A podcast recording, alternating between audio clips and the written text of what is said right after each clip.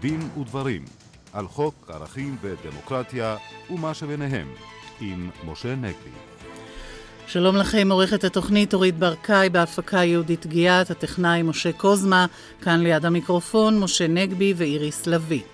בעוד שבועיים יושק באוניברסיטת תל אביב ספרה החדש של הפרופסור דפנה ברק ארז, משפט מנהלי, העוסק בכללים שפיתח ואוכף בג"ץ באשר למותר ולאסור לרשויות השלטון. אנחנו שמחים לארח באולפן את הפרופסור ברק ארז ונברר איתה את חשיבות הכללים הללו במניעת שחיתות שלטונית. האם דחיית הבחירות בליכוד היא סימפטום לחולשת התודעה הדמוקרטית אצלנו? איתנו באולפן השופט בדימוס אורי שטרוזמן לשעבר, יושב ראש ועדת הבחירות של הליכוד, נשוחח איתו על כך. במכללה האקדמית בצפת ידונו מחרתיים בנגע האלימות כלפי שופטים, ובאולפנינו מתארח הדוקטור מוחמד ותד מבית הספר למשפטים במכללה. מהן המצוקות המדרדרות נשים לתהומות הפשע ומהו הסיכוי לשקמן? עמנו הדוקטור עודדה שטיינברג מהמכון לקרימינולוגיה באוניברסיטה העברית, ממחברות הספר "בכלא אני נחה", המתעד ראיונות עם אסירות בנווה תרצה. כל אלה איתנו, אבל נפתח בהערה בשולי מאמצי בג"ץ למנוע את אפליית התלמידות המזרחיות בעמנואל. משה. כן, אם המאמצים האלה של בג"ץ אה, אכן יעלו יפה, ואני מיד גם אבהיר מדוע אני אומר אם, ולצערי אני לא כל כך בטוח, אני חושב שזאת תהיה הוכחה ניצחת עד כמה חיוני האקטיביזם השיפוטי של בג"ץ אה, לשימור הדמוקרטיה שלנו. אה, אולי זה ידהים חלק מן המאזינים, וזה בוודאי צריך לצער את כל המאזינים, אבל האיסור אה, להפלות אה, בין עדה לעדה, או האיסור אה, להפלות בכלל, עד היום לא זכה לעיגון חוקתי מפורש במדינת ישראל. אין חוק יסוד ואפילו אין חוק רגיל שקובע חובה כללית לנהוג בשוויון ולא להפלות. יש חוקים ספציפיים שאוסרים אפליה במקרים ספציפיים, אבל כאמור אין איסור גורף אה, על אפליה. ורק בזכות uh, האקטיביזם השיפוטי, העובדה שבג"ץ נתן תוקף משפטי לאיסור האפליה במגילת העצמאות, ולאחר מכן פירש את ערך כבוד האדם ככולל, או כמשהו uh, שנובע ממנו גם החובה לנהוג בשוויון, uh, רק בזכות זו uh, יש לנו אפשרות uh, למנוע אפליה, כמו שאמרתי, לא רק אפליה דתית, אלא גם את כל סוגי האפליה האחרים. אם היינו סומכים על הפוליטיקאים, לא היינו מגיעים רחוק. אני אזכיר שפעמיים עלתה הצעה בכנסת לחוק יסוד השוויון, שיקבע עיקרון של שוויון אה, חוקתי במשפט הישראלי, ופעמיים הכנסת דחתה את הצעת החוק הזאת, ומה שאולי לא פחות מדכא, פעמיים זה נדחה בגלל ההתנגדות של הממשלה. שר המשפטים של ממשלת ישראל, ואלה היו שרים שונים מממשלות שונות, עלה על הדוכן ואמר שממשלת ישראל איננה מוכנה שיהיה עקרון שוויון אה, בדמוקרטיה הישראלית. בג"ץ לא רק, כמו שאמרתי, באקטיביזם שיפוטי יצר את עקרון השוויון, הוא גם אימץ, כולנו יודעים מהמשפט האמריקאי, את העיקרון החשוב שמאוד רלוונטי לפרשת עמנואל, שאין דבר כזה נפרד אבל שווה, שעצם ההדרה יש בה אה, משום אה, אפליה, עצם ההפרדה יש בה משום אפליה של אותם אנשים שמדירים אותם ולא מאפשרים להם אה, להיות אה, עם אה, אנשים אחרים. כמובן שאני לא הראשון שמזכיר בהקשר הזה את אותו פסק דין ידוע אה, מארצות הברית מ-1954, בראון נגד ה-Board of Education, שקבע את העיקרון הזה בארצות הברית, אבל לצערי, ופה אני חוזר לאם שאמרתי בהתחלה, אם באמת בג"ץ יצליח, יש הבדל לצערי גדול בין מה שקרה בארצות הברית לבין מה שקורה אצלנו, והוא שכמו שאנחנו יודעים, בארצות הברית לאחר פסק הדין הזה, הממשל האמריקאי, למרות שמי שמכיר את ההיסטוריה האמריקאית יודע את זה, למרות שלא היה מאושר מהפסיקה הזאת, פעל לאכוף אותה ביד ברזל, הייתי אומר, שלח גדודים של חיילים ושוטרים לאכוף את הפסיקה הזאת. אצלנו לא רק שלא שולחים גדודים, אלא אה, אפילו לא דאגו לגבות את הקנסות שבית המשפט הטיל על אה, מרכז החינוך העצמאי שביזה את פסק הדין הזה, וזו אולי הסיבה שאנחנו רואים אה, מצב שבו מצב מאוד מביך, שבו השופט אדמונד לוי צריך לנהל משא ומתן עם ההורים, כיצד הם יועילו לבצע את פסק הדין של בית המשפט. זה שוב דבר שאני חושב צריך לצער את כולנו. הערה אחרונה, שמענו ניסיון לתרץ את האפליה המבישה הזאת בנימוקים תרבותיים, בנימוקים דתיים, שכביכול המסורת מחייבת את זה. אני רוצה לומר שמעבר לזה שיש פה עלבון שלא מגיע לדת היהודית ולמסורת היהודית, אני רוצה לומר שגם אם היה, הייתה מסורת כזאת והיה חיוב דתי כזה אה, להפלות אנשים בגלל אה, מוצאם, אה, הרי זה מקרה שבו לא צריך לכבד גם לא תרבות, כשם שאנחנו לא מכבדים תרבויות שמאפשרים לבעלים להכות את נשותיהם או את ילדיהם, גם במקרה הזה אין לעשות זאת. פרופסור דפנה ברק ארז, אנחנו תכף נתייחס לספר החדש והמרתק שלך על משפט מינהלי. אני רק אזכיר כרגע, אפרופו הסיפור הזה, שיש שם פרק שלם שעוסק בנושא אפליה, ואת שם כותבת דבר מאוד רלוונטי לדעתי. את כותבת שכשמדובר על אפליה, קובעת התוצאה ולא הכוונה. כלומר, זה שהחרדים אומרים אנחנו לא מתכוונים להפלות, זה לא מכשיר את המעשה. הדבר בהחלט uh, מתחייב, משום שאם אנחנו רוצים להבטיח את הזכות לשוויון של האדם המופלה, מבחינתו חוויית האפליה היא חוויה מלאה, יהיו הדברים שבלב אשר יהיו. יש פה אבל גם עניין פרגמטי. אם כאשר אוכפים כלל משפטי, כל פעם צריך לבחון את הכוונה שמאחורי ההבחנה, בעצם אי אפשר להגיע לאכיפה אפקטיבית. כי אפשר להתווכח על הכוונות, אבל התוצאות הן ברורות בשטח. יש עוד דבר uh, שרלוונטי לסיפור הזה בספר שלכם, בספר שלך על המשפט המינהלי, והוא שאת אומרת שיש חובה לא רק על אותם אנשים שנוהגים באפליה לחדול מן האפליה, אלא גם על מנגנוני הפיקוח של המדינה למנוע את האפליה. נאמר במקרה הזה משרד החינוך, וצריך לומר שגם משרד החינוך לא בדיוק הזדרז לעצור את האפליה הזאת. עובדה שהיינו צריכים את הפנייה של אה, דוקטור אביעד הכהן לבג"ץ. נכון, הדבר הזה בעצם בא לידי ביטוי עוד בפסק הדין ההיסטורי בעניין קעדאן. הרי בו, בהקשר של קבלת אה, לא יהודים אה, ליישובים, בסופו של דבר ההפליה הייתה מטעמה של הסוכנות היהודית, והנקודה הייתה שהמדינה אינה mm-hmm. יכולה לשתף פעולה עם גוף שנוהג בפרקטיקה מפלה. אם יורשה לי להוסיף, אני רק אומר שבעידן שבו יותר ויותר פעולות לא נעשות על ידי המדינה במישרין, אלא על ידי גופים פרטיים, בעידן של הפרטה, להדגשת האחריות של המדינה כגורם מפקח, יש אפילו חשיבות רבה במיוחד. דוקטור מוחמד וואטד, אתה מתארח כאן בעניין אחר, אבל איך אתה רואה את הדברים? כשאני מלמד משפט חוקתי בבית הספר למשפטים בצפת, אני כל הזמן חוזר על המנטרה הזאת שאלמלא בית המשפט העליון והאקטיביזם השיפוטי שלו, מזמן מדינת ישראל הייתה נחשבת למדינת עולם שלישי. וזה לאו דווקא בעידן של אהרן ברק. ראו את פסק דין כל העם, פסק דין אקטיביסטי בהחלט, ואלמלא בית המשפט העליון, הרי אין לנו חופש ביטוי במדינה הזאת. ושום חוק יסוד ושום חוק רגיל במדינת ישראל לא מכיר בזכות לחופש ביטוי. אה, אה, כך הוא הסיפור גם בעניין השוויון. אה, הסיפור הוא מבחן תוצאה או לא מבחן תוצאה, יש שני מבחנים שמתחרים אחד מול השני, מבחן התוצאה של השופט בדימוס חשן ומבחן ההשפלה של השופטת דליה דורנר. כך או כך, בין אם זה כבוד ובין אם זה שוויון, עצם ההתייחסות לאחר כאחר בגלל צבע עורו, או בגלל דתו, או בגלל עדתו, כשלעצמה משפילה. וצודקת אה, חברתי פרופסור אה, ברק ארז, מי יכול לבחון את, את כוונתו של האדם, או את כוונתה של הקבוצה? הרי תמיד אפשר לבוא ולטעון אחרת. נסתפק בדברים האלה בנושא הזה, ועכשיו באמת אל הספר ספרי חדש, פרופסור דפנה ברק ארז, משפט מנהלי, ספר באמת רחב יריעה, עב כרס.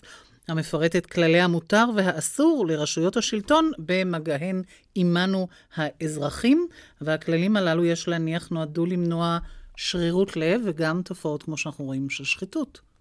בהחלט. לכללים של המשפט המינהלי יש תפקידים שונים.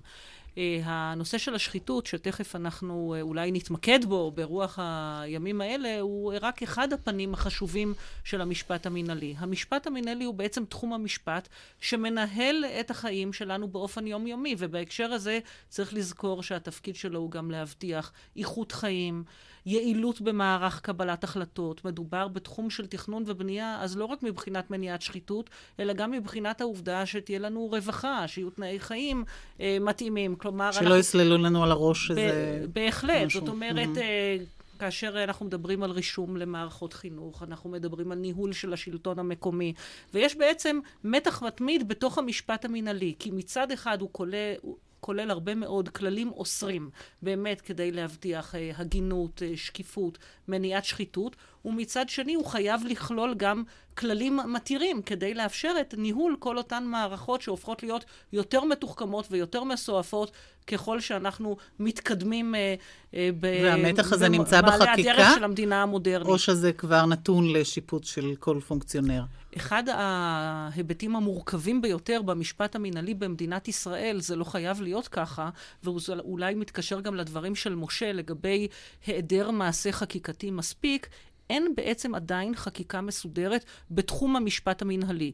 יש חוקים ספציפיים, אנחנו רואים שוב את אותו pattern. יש טיפול חקיקתי בנושא כזה או בנושא אחר, אין חוק מסגרת. את עקרונות היסוד, גם בתחום הזה, קבע בית המשפט העליון על דרך של פיתוח פסיקתי מאז קום המדינה, אולי אפילו קצת קודם, בהשראת המשפט האנגלי, ואפשר להגיד שזה אולי תחום שבו אנחנו רואים עשייה שיפוטית לא רק בהשלמת החללים, אלא ביצירת העקרונות עצמם. כן, אולי באמת, גם פה באמת, אני חושב, הספר שלך על יותר מאלף עמודיו הוא עוד המחשה למה שאמרנו קודם. שבלי האקטיביזם השיפוטי לא היינו מדינה מתוקנת, כפי שאמר בצדק דוקטור וטד, אולי היינו מדינת עולם שלישי, אולי רפובליקת בננות, כי גם הכללים הבסיסיים ביותר של איסור משוא פנים, החובה, ואת כמובן דנה בזה, מה שאנחנו קוראים כללי הצדק הטבעי, החובה לשמוע בן אדם לפני שאתה מקבל החלטה אה, לטובתו או לרעתו. אה, כל הדברים האלה בעצם הם יצירה שיפוטית אה, של בית המשפט. וחלק קטן מאוד מהדברים לאחר מכן גם קיבל אה, ביטוי של חוק של הכנסת, עד היום רוב הדברים לא.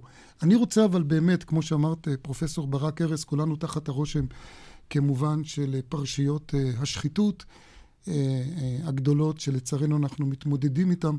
חלק מן הכללים האלה הם באמת כללים שאילו היו מקפידים עליהם די הצורך, ואולי גם מגיעים לבג"ץ בשלב יותר מוקדם, היה נמנע חלק מן השחיתות. למשל, כל הנושא הזה של ניגוד עניינים, שגם עסקנו בו בשבוע שעבר בתוכנית הזאת, ואני אזכיר שהיית בין כותבי אותו ספר על ניגוד עניינים שהוזכר פה בשבוע שעבר גם, אה, הוא כמובן תופס גם פרק בספרך, כל העיקרון הזה שאדם לא יכול לעסוק בדברים שיש לו אינטרס לגביהם. עוד פעם, כלל שפותח על ידי בית המשפט במסגרת המשפט המינהלי. אני באמת חושבת שאי אפשר uh, להגזים בחשיבותו של המשפט המינהלי למניעת שחיתות. ואולי כדאי uh, לומר מילה על ההשוואה בין התחום החשוב ביותר של המשפט הפלילי, שמשמש ככלי לאכיפה ולענישה בדיעבד, לבין המשפט המינהלי שבעצם מנסה להתוות תהליכים של קבלת החלטות, ואם לצטט אה, מאחד מפסקי הדין של בית המשפט העליון, למנוע את הרע בטרם יארע. כלומר, אם אנחנו מדברים על כללים של ניגוד עניינים, אנחנו בעצם רוצים למנוע מצב שבו אינטרסנטים מקבלים את ההחלטות, ואז ממילא גם לא נצטרך ללכת במורד הדרך שאולי יש בה בהמשך כתבי אישום וכדומה. עכשיו, החשיבות היא אפילו עוד יותר גדולה, משום שהמשפט המינהלי קובע סדרי שלטון השלטון באופן נרחב לגבי כל המעורבים במערכת, בעוד שהמשפט הפלילי, שכמובן מאוד חשוב לעשות בו שימוש במקרים המתאימים, שדבריי אה, לא יובנו שלא כהלכה, אני לא נגד שימוש במשפט אה, פלילי לצורך מאבק בשחיתות, אני רק חושבת שהוא סובל מהחסרונות של... זה ברירת מחדל. נכון. של התמקדות רק במקרים החמורים ביותר, בדיעבד, כאשר אפשר להוכיח את הדברים מעבר לכל ספק סביר. ואם פנינו לקביעת סדרי שלטון תקינים, אז צריך בעצם לחשוב על התוויית הכללים למערכת, ולא רק ניגוד עניינים, אלא אולי רק לתת עוד דוגמה או שתיים. כן. למשל, קריטריונים בחלוקת uh, כספי ציבור, נושא שבית המשפט העליון קבע את הכללים בבחינת יש מאין בשנות ה-80. אה, כספים ייחודיים. כספים ייחודיים, כן. אבל בעצם לא רק בהקשר הדתי שאיתו המונח הזה מזוהה, כן. שקיפות, כללים של חופש מידע, כל הדברים האלה יש להם חשיבות uh, גדולה ביותר בהקשר המערכתי. ואז האם היישום שלהם בשלב מוקדם יותר, את בעצם אומרת, ימנע מצבים של שחיתות ש... אחר כך יביאו ל... לפחות, לפחות, את, ל... לפחות את חלק מן הדברים. זאת אומרת שזאת אכיפה ממש בראשית הדרך. על דרך מניעה. Mm-hmm. השופט אורי שטרוזמן, רצית להעיר בהקשר הזה. אם, אם יופשר לי. בהחלט. אני לא רוצה להיכנס לא לנושאים המשפטיים, לא לתפארת המשפט ולא למקומות שהמשפט אה, מגיע באיחור או לא צריך להגיע בכלל. הנבחר, כלומר מי שאמור להיבחר על ידי הציבור, הוא באופן מובנה נמצא בניגוד עניינים על ידי אלה שעל טובתם הוא מופקד בנושא. מי שרוצה להיבחר, רוצה להיטיב עם העם. עכשיו, אני לא מדבר על השחיתויות הגדולות, אבל ניקח את הוועדות לתכנון ובנייה, שמורכבות מהפוליטיקאים, שיכולות לאפשר את הזזת הגדר או את בניית המרפסת ותוספת אחוזי בנייה, על ידי מי שבוחר בהם. ולכן כל אחד מחפש את האנשים שלו בוועדות התכנון. אותו הדבר בנושא העררים. יכול להיות שהפתרון היותר טוב הוא לחשוב שכל הנושאים האלה לא צריכים להיות אצל הנבחרים, אלא אצל מי שימונה, אצל מי שבעלי מקצוע שיתחלפו כל שלוש שנים, ארבע שנים, חמש שנים. מי ימנה אותם? אני חושב... לא, תמיד יש איזשהו קצה חוט. הבעיה היא, תמיד יש קצה mm. חוט, אבל צריך תמיד כמובן להרחיק. עוד מחסומים. כן. באיזושהי ועדה מתאימה, כשאנשים מתחלפים ולא יושבים לנצח. אני למשל חושב שלנהל עיר זה דבר מאוד מורכב. צריך כישורים מיוחדים, לאו דווקא... פוליטיים? לאו ד... mm. פוליטיים כן, אבל לא, לא כאלה שצריכים לתת טובות הנאה לאלה שבוחרים. למה שלא ייבחרו ראשי ערים על ידי, אני לא אומר מכרזים, ועדת ערים וכדומה. אנחנו, עכשיו, עוד דבר נוסף. אנחנו מדינה קטנה. כולם מכירים את כולם, אני מתכוון לפחות כל אלה שנמצאים בתוך העיסוק והתעסוקה. רוצים, אני זוכר שמוניתי לשופט, רצו שאני אגור ברמלה, כי שם שפטתי. היה קשה מאוד להסביר של... אני לא יכול. עכשיו, אם אני שופט שם, המוסך שלי שם, והבנק שלי שם, שם, והכל שלי שם, ואני מכיר את כולם. לשופט באילת היו צרות צרורות, אם אני מביא את המקצוע הקרוב לי. Mm-hmm. אותו הדבר למהנדס העיר וכדומה וכדומה, אז רק הערתי תחילת הערה שלא כל העולם משפט, צריך למצוא פתרונות גם במקומות לא אחרים. תתפל, לא תתפלא אם אני אומר לך, שופט שטרוזמן, שגם הנושא הזה מטופל בספר של פרופסור אה, ברק ארז. את מתייחסת אני... בדיוק לבעיה הזאת, מה קורה שבן אדם נבחר כנציג של איזה סקטור, האם אז מותר לו להעדיף את האינטרסים של אותו סקטור? ואולי באמת המסקנה היא, כמו שאומר השופט שטרוזמן, וזה מאוד רלוונטי להצעות היום של רפורמה בתכנון ובבנייה, דווקא לקחת סמכויות מהגופים הפוליטיים, כמו הוועדה המקומית, ולהעביר אותה לגופים יותר מקצועיים. אני אומר בנושא הזה שני דברים. ראשית, נכון שכאשר מדובר בנבחרי ציבור, יש דילמה נוספת בהקשר של ניגוד עניינים. אני מסכימה בנושא הזה עם השופט שטרוזמן, אבל גם צריך לזכור שהנושא של ניגוד עניינים מתעורר לגבי שורה ארוכה של בעלי תפקידים, שכלל אינם נבחרי ציבור, וצריך גם לומר את הדברים הללו, אה, לשים אותם בהקשר. אבל לגבי המתח הבעצם מובנה במצב של אה, נבחר ציבור, צריך להגיד שזה אחד המתחים של המשפט המינהלי בכלל. המתח שבין ביורוקרטיה לדמוקרטיה, כי הכיוון שהשופט שטרוזמן מצביע עליו הוא בעצם כיוון של יותר ביורוקרטיה במובן של מומחים. אנחנו נמנה את המומחים. יש יתרון של מומחיות, מצד שני אנחנו גם רוצים לקיים מדינה שיש בה גם אלמנטים דמוקרטיים. זאת אומרת שמקבלי ההחלטות הם, לפחות בחלק מן המקרים, גם נבחרי ציבור. אז יש פה בעצם מינון משתנה בין ביורוקרטיה לדמוקרטיה בכל הקשר. יכול להיות שבתחום התכנון והבנייה, לאחר שיופקו לקחים, אה, יהיה מקום באמת אה, לנטרל אה, חלק מההיבט של נבחרי ציבור, אבל צריך לזכור שבתחום של תכנון ובנייה יש גם עניין של עיצוב פני הקהילה, איכות החיים של התושבים, ובמובן הזה אנחנו באמת רוצים גם אנשים שבאים מתוך הקהילה, ויכול להיות שלא צריך להוציא את זה לגמרי מידיהם, אבל לקיים את מנגנוני הפיקוח, זאת אומרת שזה יהיה לא רק ברמה המקומית, אלא גם עם פיקוח באופן שאנחנו לא נחליש את הגורמים הארציים בתחום הזה. עורך דין וואטד? כן, אמ, דיברתם על, על זה שפוליטיקאים נבחרים כי מייצגים את האינטרסים של קבוצות מסוימות, וזה בהחלט נכון, אבל יש הבדל גדול בין לייצג אינטרסים לבין להגשים אינטרסים אסורים, או להשתמש בכלים אסורים כדי לייצג את האינטרסים האלה. הרי שוו לנפשכם פוליטיקאי שנבחר בגלל שהוא בעד המתת חסד. כל עוד המתת חסד היא מעשה אסור על פי דין, הרי הוא לא יכול לבצע המתת חסד רק בגלל שהוא מייצג סקטור שכביכול תומך. הבעיה בישראל היא האי ההפרדה הכמעט מוחלטת בין תפקידו של המחוקק לבין תפקידה של הממשלה. והדברים מתחילים מעלה-מעלה בין הרשות המחוקקת לרשות המבצעת, וזה יורד מטה לבעלי התפקידים בכל אחת מהרשויות. כן, יש עוד פרק בספר שלך, אה, פרופסור ברק ארז, וכמובן לא נוכל להקיף את כל אלף העמודים פלוס. אה, שהוא מאוד רלוונטי לנושא של השחיתות, וזה הנושא של שיקולים זרים. אחד הדברים שאסור לרשות לעשות זה לשקול שיקול שהוא זר בביצוע ההחלטות שלה, למשל שיקול פוליטי, זה כמובן מתחבר לכל הנושא של המינויים הפוליטיים, ורק לאחרונה שמענו על איזה פסק דין, לדעתי די מהפכני, של בית המשפט העליון, של בג"ץ, שפסל החלטה של בית הדין הארצי לעבודה, ש... ואמר שאם מתבצעת הדחה פוליטית, לא צריך להסתפק בתשלום פיצויים לאנשים שהודחו, אלא להחזיר אותם לעבודה, למרות שלמרבה הצער, במקרה הזה, הדבר הזה לא נעשה. אולי כמה מילים על העניין הזה. אין ספק שהאיסור על אה, שיקולים פוליטיים הוא עוד כלי חשוב במאבק בשחיתות, כשם שהוא אגב מטפל בנושאים אחרים שאין בינם לבין שחיתות שום דבר. כלומר, אם אה, בעל תפקיד למשל מפעיל שיקול דתי שאסור לו לשקול, הוא לא מושחת, אבל יכול להיות עדיין שהוא ממלא תפקידו שלו כהלכה. אז חלק מהנושא של שיקולים זרים משיק לתחום של מאבק בשחיתות, וחלק לא. אבל אין ספק שהבאת שיקולים אישיים ופוליטיים זה בדרך כלל שיקול זר בקבלת החלטות. אני רק חייבת להגיד שבאופן אישי, אני מתרשמת שאם אנחנו אה, רואים את הפסיקה במבט רחב, האיסורים על ניגוד עניינים הוכחו כיותר אפקטיביים מאשר האיסור על שיקולים זרים, מאותה סיבה שהזכרתי בפתח דבריי. יותר משום, קל להוכיח. משום שיותר קל להוכיח. מה, האם השיקול היה באמת שיקול זר? האם אנחנו יודעים מה, כן. מה היו באמת כוונותיו הפנימיות של האדם? אז הכלל הזה הוא חשוב במישור הסימבולי, יש לו גם חשיבות מעשית, אבל הכללים המבוססים על אמות מידה אובייקטיביות הוכיחו את עצמם לאורך זמן כיותר אה, אה, קלים לאכיפה. תקני אותי אם אני טועה, פרופסור ברק ארז, אבל נדמה לי שאחת המסקנ...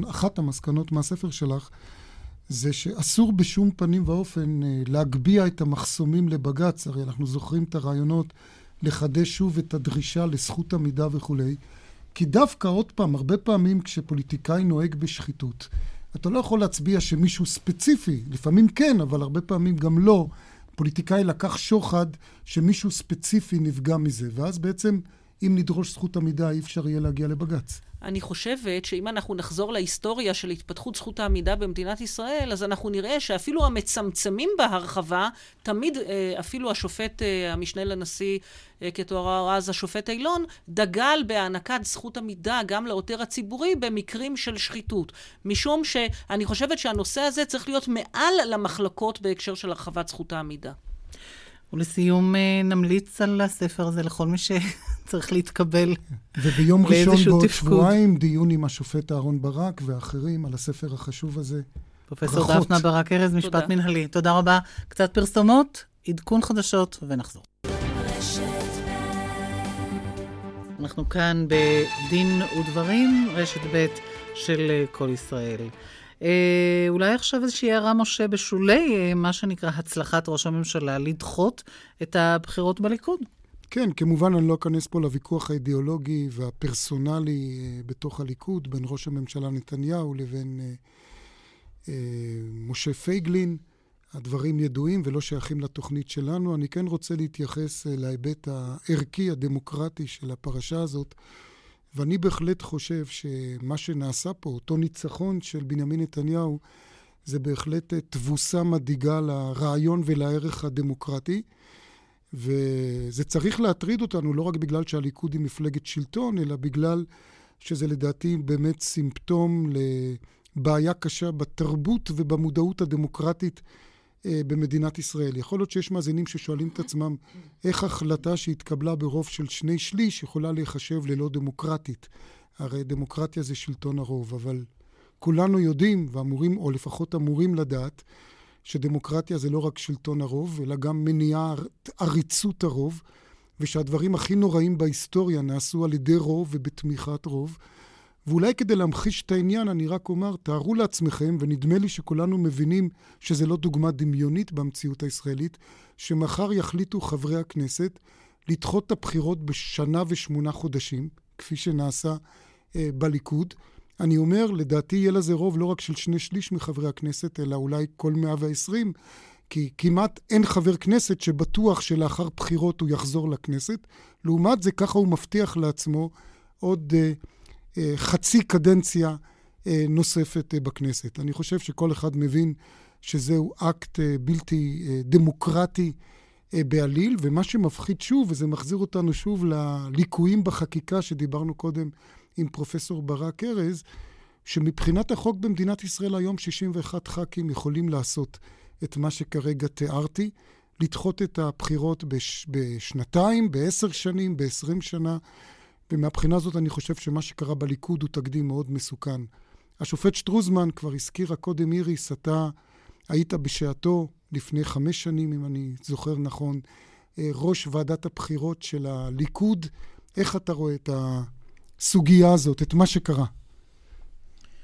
טוב, אינני מייצג את הליכוד, מעולם לא הצגתי את הליכוד. נזכור שגם פרשת על רקע גם חוסר... גם לא פרשתי. אה, לא פשוט פרשת? פשוט לא נבחרתי פעם נוספת, כי דרשתי הסכמה של אה, שני מנהיגי הקבוצות המתחרות, אה, ולא הייתה הסכמה של שניהם ביחד להמשך כהונתי לקדנציה הבאה, ולכן ב-2002 הפסקתי אחרי שש שנים את ניהול מערכות הבחירות בליכוד. הכנסת, דרך אגב, יכולה להגדיל את מספר חבריה ברוב רגיל, כי מספר החברים בכנסת איננו משוריין, ואז היא יכולה להתגבר על כל השריונים. ואני לכל חבריי מציע תמיד לשריין חקיקה בכנסת שאנחנו מעוניינים בה, אה, תמיד בשני שליש מהחברים, כדי להתגבר על התקלה הזאת, שמגדילים את מספר החברים הנכנסים. אה, ללא ספק ש... פגיעה בכללים היא לא דבר טוב, היא לא דבר נוח, היא משנה את כללי המשחק, כשלמעשה גם אין סיבה נראית לעין. להפך, תוצאות הבחירות מוכיחות שהדאגה של מר נתניהו ממר פייגלין הייתה מוגזמת. דאגה מוטעית, או שיכול להיות שהוא הקים בכוונה דחליל כדי לקבל את האפשרות הזאת אה, לדחות את הבחירות אה, לוועידה. אגב, שמעתי, אני לא הצלחתי למצוא שבית המשפט העליון אישר את ה... הדחייה הזאת, הזה לשם הגילוי הנאות, למרות שבית המשפט המחוזי אה, לא אישר. אבל אני חושב שכל הנושא של דמוקרטיה במפלגות הוא נושא שראוי לעיון. כל, אני זוכר את עצמי ב- בימי נעוריי, כשהיו המפלגות והמנהיגים היו באים לכיכרות ולאולמות לדבר, ואנחנו היינו קוראים קריאות ביניים, והיו ויכוחים, והיה שמח, והיה שכנוע, אם לא את המתווכח, לפחות את השומעים מהצד. כל הנושא הזה, אז היה חשיבות לסניפים וחשיבות לכל הפעילויות האלה. כל הנושא הזה השתנה לחלוטין מאז שישנה טלוויזיה. היום השכנוע הוא באמצעות הטלוויזיה, אולי גם באמצעות העיתונים למי שקורא עיתונים. והאינטרנט, בלוגים. והאינטרנט, כן. כן. אז אז כל הנושא של סניפים וועידה וכל הדברים האלה נראה לי ממעט בחשיבות. אבל בוא נזכור שהמנהיג רוצה תמיד שיהיה לו אה, ציות במפלגה. או בממשלה. אריק שרון אה, פיטר שני שרים כדי שיהיה לו רוב לפנות מגוש קטיף. בנושא שזה גם היה מהלך באופן כללי מאוד מעוגן משפטית, אבל לא דמוקרטי, לפי מה שאתה ציינת, אה, בכיוון כן. כזה וכזה. אבל לכן אני חושב שאם רוצים לחנך לדמוקרטיה, צריך לחנך בראש ובראשונה לכבד את הכללים. לא נורא אם הוועידה הייתה מתקיימת בזמן. במילא, אם, אם הליכוד ירצה לעשות צרות למנהיגו, אז הוא יכול לכנס מרכז שדינו כדין ועידה בכל שלב על ידי איסוף חתימות מתאימות, כך שאני לא יודע מה הוא הרוויח. שיעור טוב לליכוד ולעם ישראל, בנושא הזה הוא לא נתן. רוצים לדבר איתך על עוד אה, נושא ברשותך. אה, נציב הקבילות על השופטים חשף שוב סחבת עינויי דין אה, באמירה שצדק דחוי הוא צדק נכה, ואתה לא מופתע או מסכים לאמירה הזאת? אני מסכים שצדק דחוי זה עינוי דין ולפעמים גם גרימת עוול נוראי לאנשים. אבל אני קראתי קצת את הדוח, הוא דוח מאוד פרטני לגבי שופטים מסוימים, כאלה ואחרים. ואני רוצה לומר שהמערכת המשפטית שלנו היא מאובנת, היא שמרנית, היא לא מפיקה לקחים, ואם צריך להפיק לקחים, אז מוסיפים עוד תקנה בסדר הדין האזרחי. או עוד תקן, שמענו היום שרוצים לפתור את זה על ידי כך שימנו עוד מנהל מתחת למנהל. המנהל בוודאי לא יפתור, אלא אם יוסיפו עוד איזה 100-200 שופטים.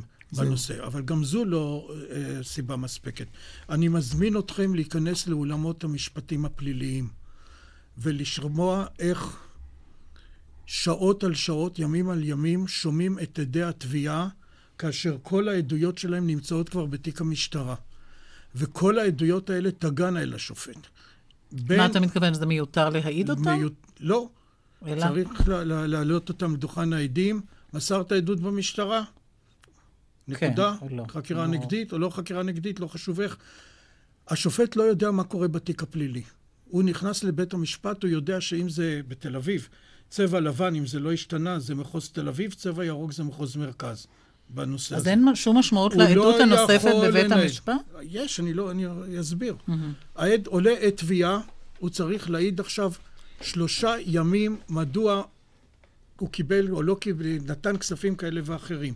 כל העדות שלו רשומה. אם הוא לא זוכר, אז יגישו את העדות במסגרת שימור הזיכרון. אם הוא יגיד עדות אחרת, יכריזו עליו עד עוין ויגישו את העדות.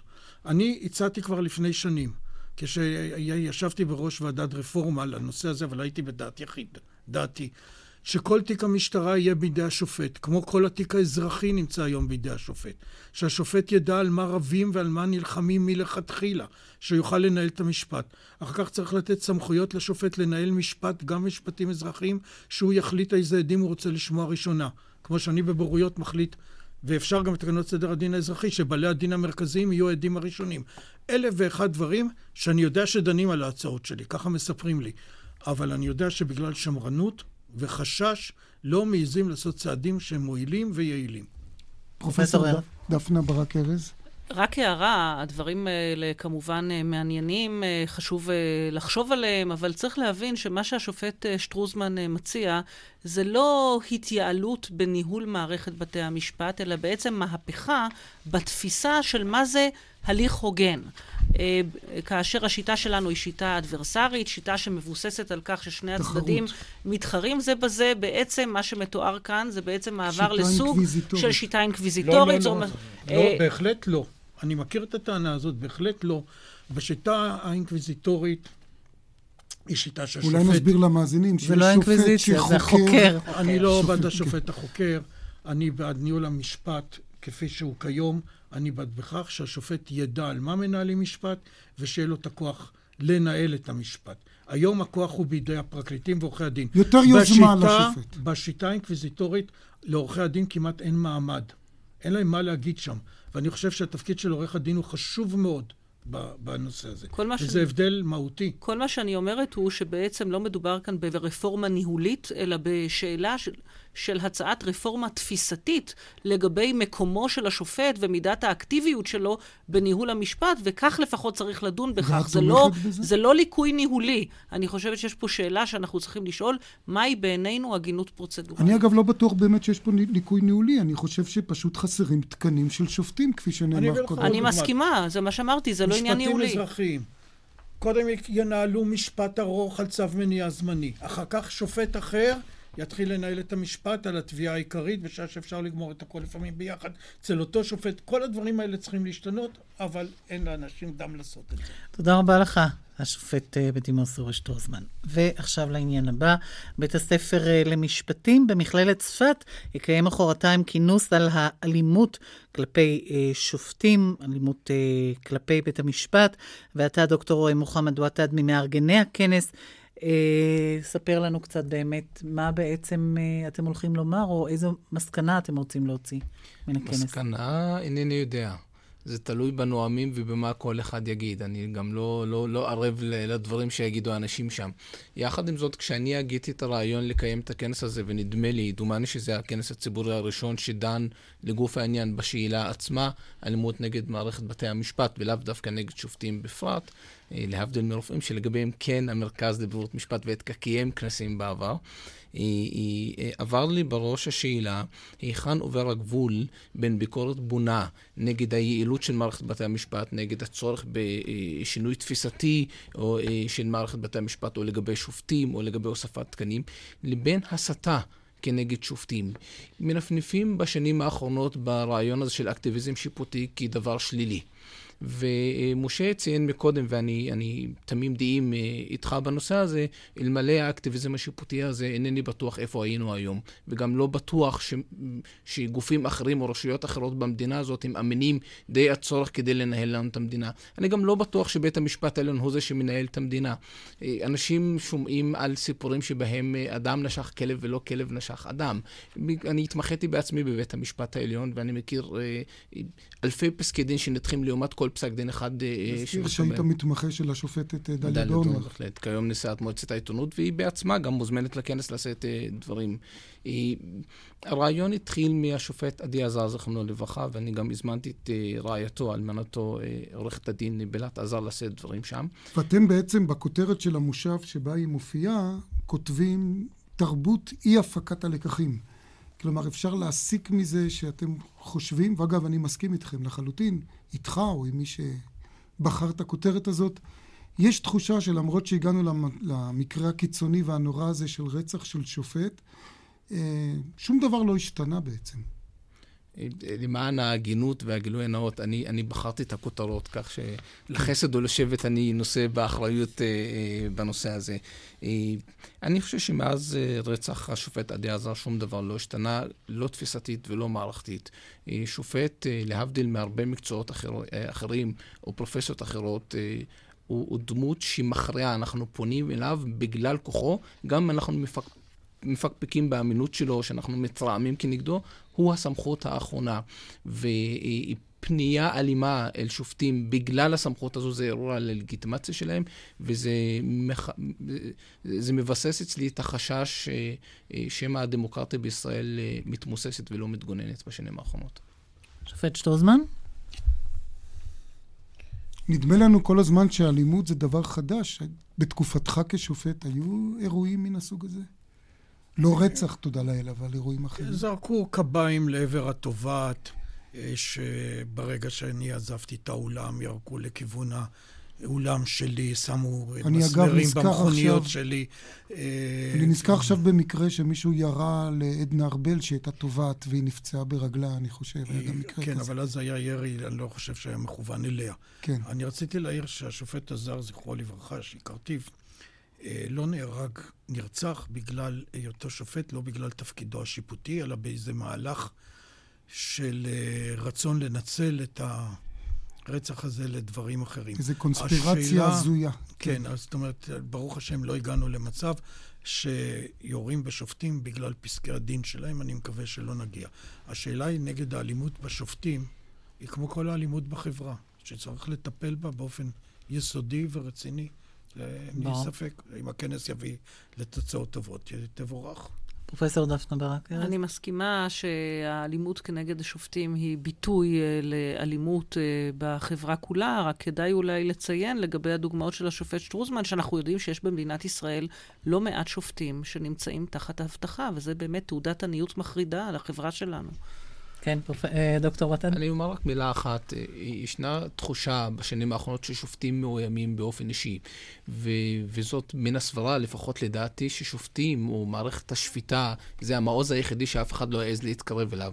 והנה הדברים מתמוגגים וכן מעזים להתקרב לשופטים, וזו הסכנה האמיתית. אני רואה בזה חלק מהתפוגגות יראת הכבוד למערכת המשפט, שמתבטאת גם בכך שמבזים החלטות.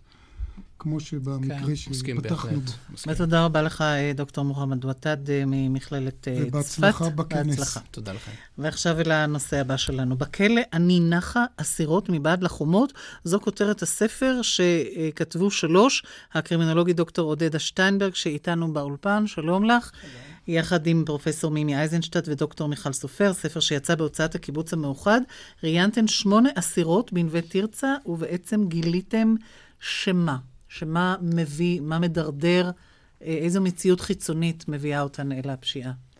אה, אנחנו, הספר הזה מבוסס על מחקר שערכנו למעשה על 42 אסירות לפני מספר שנים. מרכזו של הספר הם שמונה רעיונות עם אסירות, אה, שבה, שברעיונות האלה הן מגוללות אה, סיפור חיים קשה ביותר, מסמך אנושי, מסמכים אנושיים מזעזעים.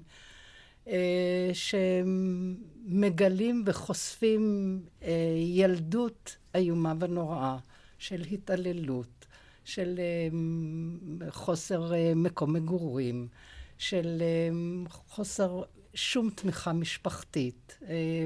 יש שם סיפור של ילדה, שהיום היא אסירה כמובן, שגדלה בתחנת סמים.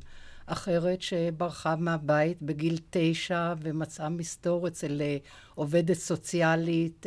כלומר, סיפורים של אבל מצוקות. אבל האם כקרימינולוגיות אתם מחפשות את הכביש הזה, הדרך הזאת שמובילה אוטומטית כביכול, מן המצב הזה לא, לדרדור זה, אל הפשע? איפה הם לא, הנתונים שאתם מביאים? זה אף פעם לא אוטומטית, זה mm-hmm. הרבה, זה לא סיבה אחת, זה סיבות רבות ביותר. Mm-hmm.